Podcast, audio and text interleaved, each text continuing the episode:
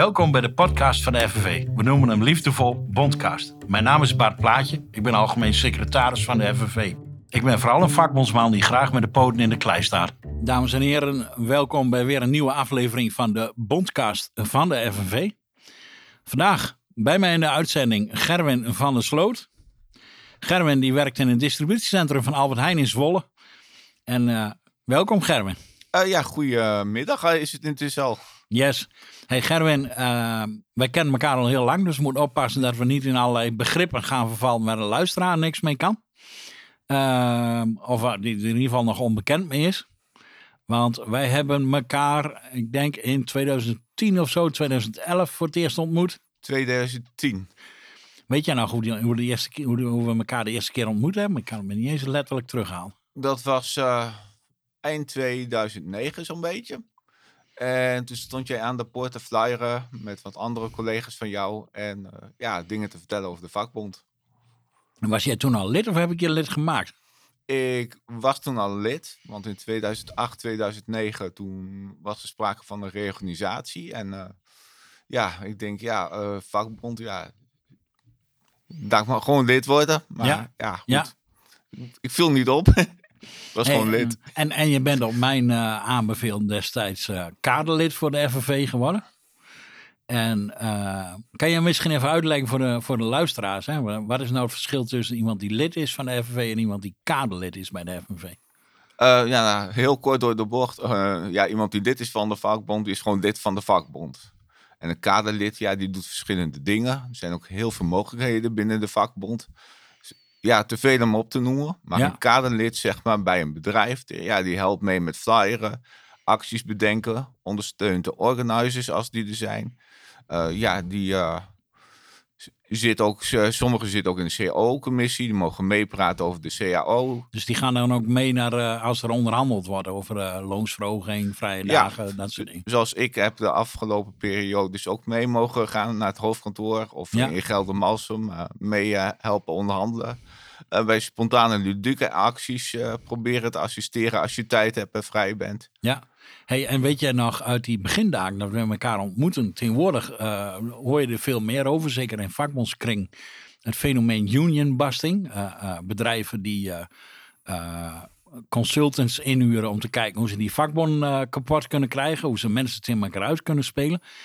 Dat was vrij nieuw in het gepolderde Nederland. En wij kregen het toen als een van de eerste op ons bordje. Heb, heb je daar nog herinnering aan? Ja, dat is wel Heel bijzonder. Hoe heette die man die die operatie leidde? Ik vond het zo'n... Hij was ontzettend intelligent, maar het was zo'n enge man. Uh, in welk jaar bedoel je? Ja, in die, in die 2010-11 uh, periode dat we daarmee bezig waren. Toen op een gegeven moment gingen we staken met, met ook uitzendkrachten erbij, met wat Poolse uitzendkrachten erbij. Zo'n vriend van, van Dick Boer, het grote opperhoofd van Albert Heijn, die later uh, directeur van uh, werd. Die hebben ze toen ingevlogen. Die man doet er ook niet zoveel toe, die naam. Maar die man die was helemaal door en door getraind op hoe ze mensen uit moesten spelen en welke communicaties ze moesten gebruiken en welke woordjes beter naar mensen luisteren. En dat alles om, ze, om mensen tegen elkaar uit te spelen en vooral niet te gaan actie voeren. Ik kan even niet op die naam komen, dat is voor mij heel ver terug. Maar ja, ja. ja de, de, de, namen doen er ook niet toe, maar het komt wel voor. En ja, de afgelopen periode zie je, ja, eh, eh, soms zie je mildere vormen van union busting. Soms zie je ook wat pittigere vormen van union busting. Zoals? Uh, nou ja, zoals in 2017 uh, zo'n beetje. Toen hadden we wel een, uh, een pittige, zeg maar. die was volgens mij, ik weet het niet zeker, aangesteld door ook een van de hoge jongens. En die kreeg gewoon vrijbrief. Die, ja, die, die, regelde alles, zeg maar. En ja, er ging niks uh, wat hij niet wist gebeurde, zeg maar. Ja, ja, ik heb me daar ook wel eens in verdiept. Dat ze psychologische profielen maken van hun eigen personeel. Om te kijken hoe ze ze kunnen manipuleren. Om vooral niet in actie te komen. En om een lager loon te accepteren en dat soort dingen. Het is een heel bijzonder fenomeen hoor. Ja, op YouTube uh, zie ik ook wel uh, van dat soort filmpjes. Ik weet niet hoe. Uh, ik heb nou ja, de afgelopen periode. Dan kijk ik veel op YouTube weer toch terug naar iemand die uit Amerika. Die heeft ja, dat die man die heeft zijn leven verbeterd, zeg ik dan maar even goed. Ja. Eh, die eh, was, zijn werk was union busting, zeg maar, op zijn Oh. Amerikaans. Deze hebben we tot inzicht gebeukt, zeg maar. En ja, die was ja, zelf ook in opspraak gekomen en noem maar Spijt op op. tand. Ja, Ja, echt een eh, spijt op tand. Maar die had meer dan 300 acties geleid. En daar had hij er maar drie van verloren. En wat kwam er dan naar boven is... eh, als het personeel zeg maar samen achter elkaar blijft staan... als ook de gezinnen ah, van de stakers er ook achter blijven staan... En ja, dat, als je maar saamhorig blijft en als er maar geen spel tussen is te krijgen... dan eh, is het gewoon eh, ja, onmogelijk om, eh, Om te winnen. om te Voor de, winnen. voor de werkwerkgever. Ja, ja. ja. interessant. Hey, nog even terug naar, naar, naar jou, want ik pak zo die afslag van de union busting, maar kwam ineens naar voren. Ja. Hoe lang werk jij nu bij Albert Heijn? Ehm, ik ben in 2001 begonnen. Eh half jaar is uitgekracht. Toen heb ik na een half jaar een contract gekregen voor bepaalde tijd in 2002. En toen had ik mazzel, want in januari 2003 toen eh, kreeg ik een contract voor onbepaalde tijd. En in februari kregen we helaas eh, te maken met de boekhoudfraude schandaal van Ahold. En toen was er meteen in februari eh, een personeelstop. Nou, je was echt met de hak over de sloot binnen, zeg maar. Anders Ja. had je weer voor het uitzendbureau staan te kijken. Ja, en ja, nu zijn we dik 20 jaar verder. Ja, ja. En, en, en nu zijn we twintig jaar verder en jij bent kaderlid. Je bent vast niet het enige kaderlid in Zwolle, hoop ik. Nee, we zijn nu met eh, vier personen. Dus dat Kijk. is al fijn. Ja, ja, ja, ja. Hey, en eh, vier, vier personen in Zwolle. We hebben in andere distributiecentra van Albert Heijn hebben we natuurlijk ook groepen met Ja. En jullie hebben wel echt een mega, mega prestatie afgeleverd. eh, nog niet zo lang geleden, nog dit jaar. Er is, eh, het CEO-conflict liep vast. En toen? En toen, ja, nou ja, je merkt al zeg maar, want ja, ik zat dus in een CO-commissie en er waren drie afspraken gepland met zo'n kort tijdsbestek. En dat zei ik ook tegen mijn andere kaderleden en ja, tegen andere mensen van, kan twee dingen betekenen. Of we komen er heel snel uit, of het wordt helemaal niks. Ja, ja. En het werd helemaal niks. En het werd helemaal niks. En toen zijn jullie dus eh, volgens mij in een nood, maar het was van afstandje, hè, zijn jullie in een noodtrein eh, eh, tempo aan het werk gegaan, richting de achterban. Ja. En voor je het wist brak er ook sta staking uit. Ja, ja nou ja, we, we hebben alles netjes gewoon gedaan zoals het hoort, zoals het in Nederland moet.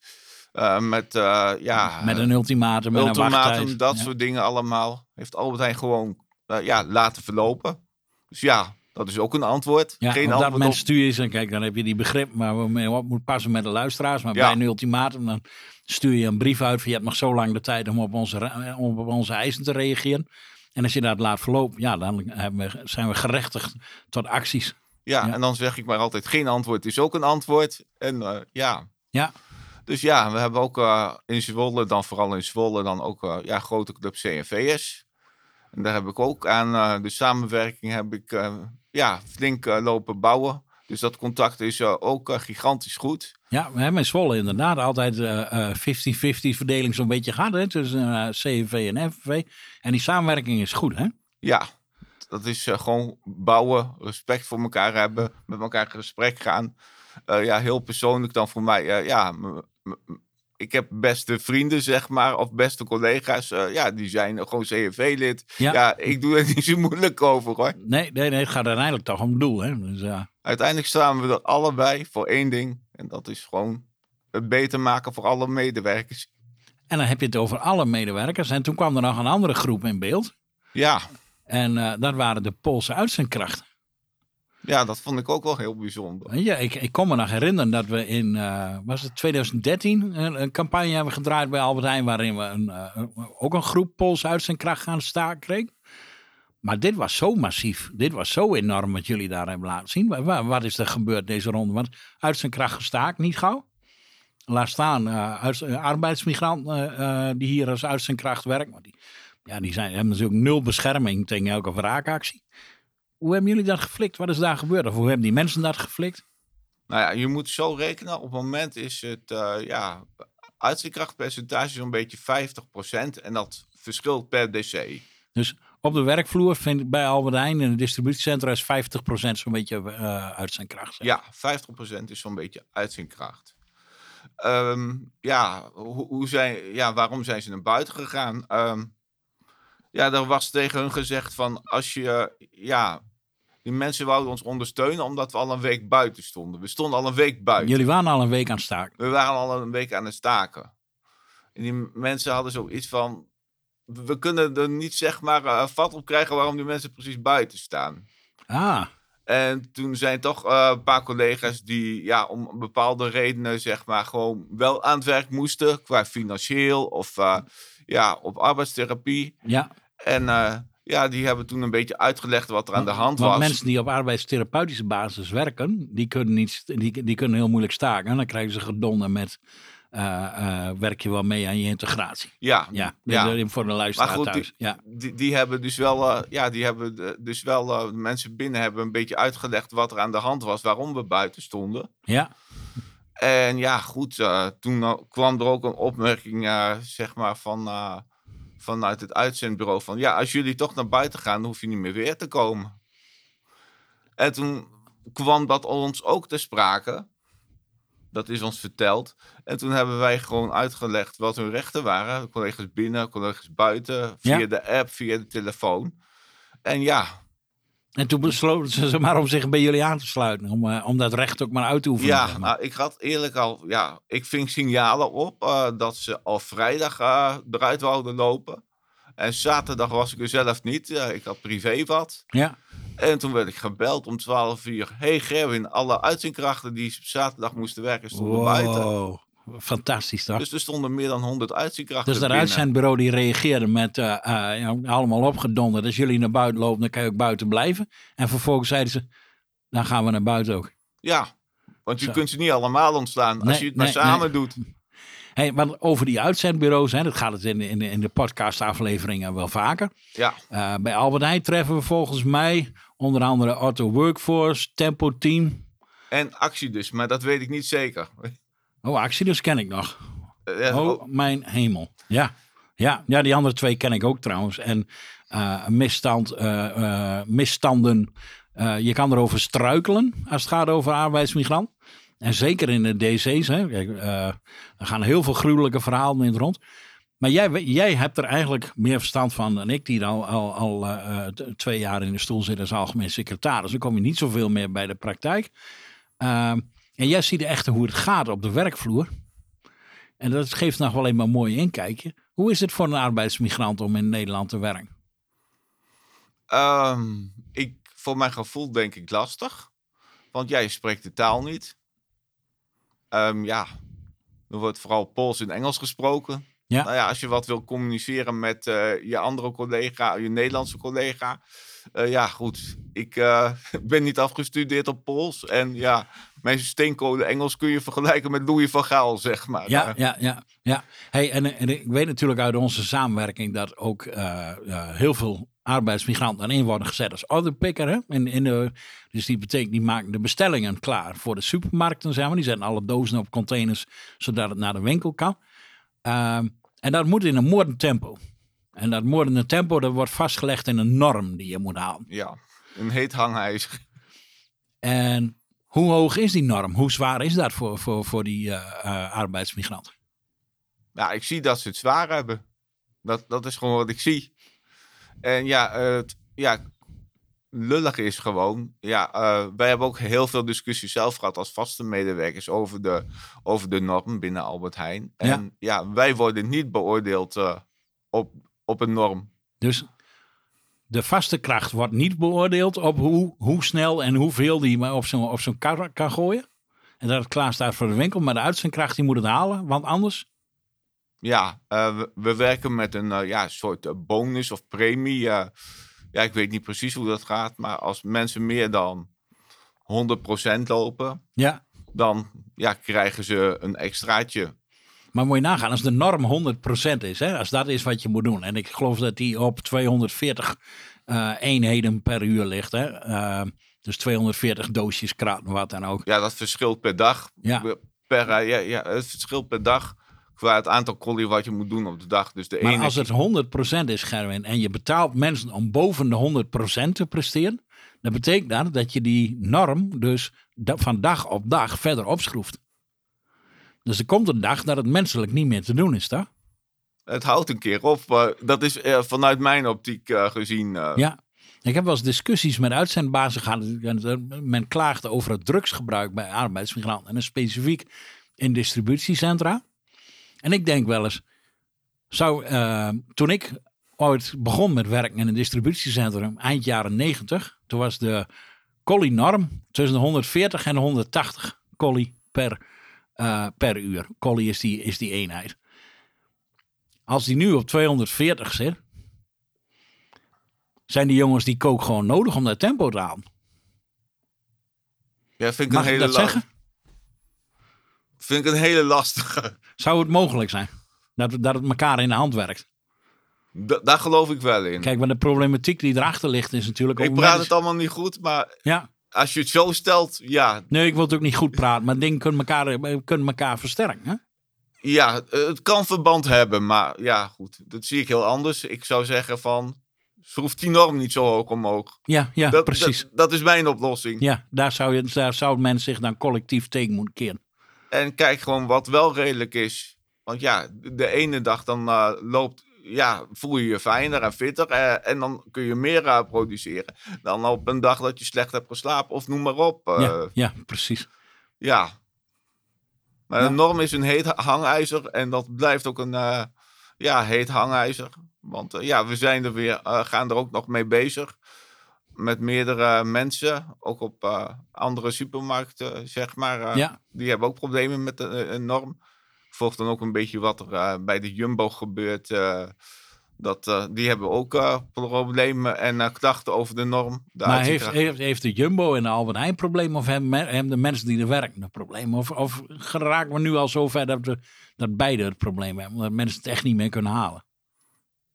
Mensen kunnen het in mijn optiek niet op een gewone meer, meer, meer halen. Ja, Ja. Ja. Dus daar moet gewoon wat aan gebeuren. En hoe, ja. Dat eh, is een heel lastig verhaal, maar daar gaan we wel mee bezig. ja, ja, precies. Dus als ik dit zo even probeer een beetje in overzicht te plaatsen, Gerwin. Hè? eh, jij hebt in, samen met andere kaderleden, jullie zijn op een gegeven moment met de collega's gaan praten van jongens, we moeten gaan staken. En je stond buiten. En er gebeurde, er gebeurde niks. En toen wou die uitzendkracht gewoon daar meer van weten. Die kregen een bak repressie op hun kop van die uitzendbureaus bij Albert Heijn. En eh, vervolgens zeiden mensen, maar genoeg is genoeg. Dit gaat ook over ons belang. Wij gaan ook buiten staan.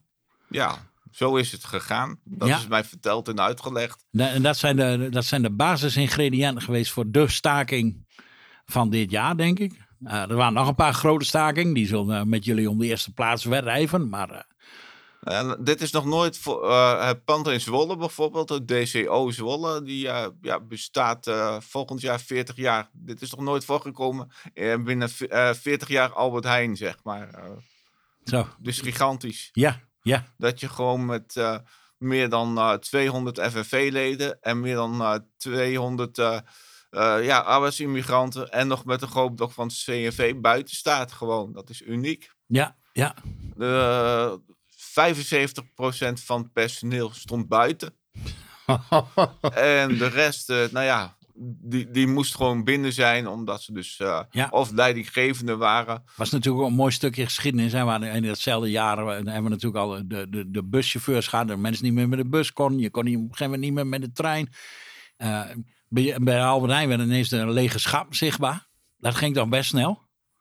En ik, ik vond dat echt een, eh, een stukje geschiedenis. En dat je kan zien van waar je, als je van mens tot mens verbindt. Hè, want er is geen verschil tussen een arbeidsmigrant en, en die Nederlander die hier allebei werkt. Voor allebei is werk. Voor allebei, door allebei de werk wordt, wordt waarde gegenereerd voor de werkgever. Dus je staat er ook samen in. En, eh, en over die waarde, die stroomt natuurlijk direct naar de aandeelhouders. Hè. Eh, eh, ja, weet ik ook alles van. Ik ken Vraag het ook als maar iemand en die je zegt- weet het. En, en jij hebt je daar altijd enorm in verdiept. Eh, wat heb je daar op, eh, op dat gebied gevonden? Als je nou iets zegt van, nou, dat heeft mij verbaasd. Ja, dat er soms eh, ja, verteld wordt, ja, we moeten kosten besparen en noem maar op. En dan denk ik, ja, maar we kopen ook voor ja, ook dit jaar weer is het tweede kwartaal bijvoorbeeld het dividend weer extra verhoogd. Uh, het aandelen terugkoopprogramma, dat loopt gewoon door. Hebben we het over een miljard. Dat zijn geen kleine centjes ja, ja, ja, in mijn optiek. Dus er, wordt, er gaat wel steeds heel veel geld naar de aandeelhouders. En dat wordt iedere keer opgeschroefd. En ondertussen moet er dan bezuinigd worden en moet er om de kosten gedacht worden. En dat snap ik wel. Je moet goed zijn voor de aandeelhouders. Maar ja, ik zie dat toch anders. Je moet eerst goed zijn voor je personeel, dan voor je klanten. Ja. Nou ja, dan komen de aandeelhouders en dan komen de topbestuurders. En ja, die volgorde, eh, ja, die uh, lag de afgelopen ja, periode wel flink verkeerd. Toen ging het eerst om de aandeelhouders, de bestuurders. Uh, toen kwam de klant en toen kwamen de medewerkers. Gerwin, mag ik zeggen dat uh, de aandeelhouders van Albert Heijn hebben goed verdiend. De directie van Albert Heijn heeft goed verdiend. Maar het zou nu ook eens een keer mooi zijn als Albert Heijn zich ook actief ging bemoeien met het lot van arbeidsmigrant. Als ze nou eens kritisch ging kijken naar die uitzendbureaus die ze binnenhaalden. En dat ze in zijn grote geheel eens fatsoenlijk voor hun personeel ging zorgen. Nou ja, ik wel, daar heb ik wel een hele duidelijke mening over. Iets van uh, maatschappelijk verantwoord ondernemen. Ja. Nou, ik wil er nog een lettertje tussen zetten. En dat is maatschappelijk structureel verantwoord ondernemen. En wat bedoel ik dan? Is uh, ja, maatschappelijk verantwoord ondernemen, dat zie ik meer als, uh, ja, je sponsort een keer met de KNVB. Of je sponsort een, uh, een of andere coureur. Of je bouwt een rotonde. Ja, ja, ja. Of je bent goed voor het milieu. Heel leuk en interessant, ook belangrijk. Maar als jij maar, mensen niet tevreden hebt, en als jij mensen onder, in, in het ongeluk ten onder gaat. Dus ja, dat valt dus bij mij onder het stu stukje structureel wat ertussen moet komen. Ja. Je moet goed zijn voor je personeel. Als je niet bereid bent om in je personeel te investeren, wat kun je dan van je personeel verwachten? Ja, duidelijk. Zo duidelijk. kijk ik er echt tegenaan. Dat is, dat is een hele mooie visie, Gerwin. En ik denk dat je daarmee uh, ook goed gestalte geeft aan kaderleden bij de FNV. Weet je, je hebt je laten zien als een strijder. Je hebt je laten zien als een denker. Je hebt er ook echt een beeld bij van waar, hoe het beter en anders kan.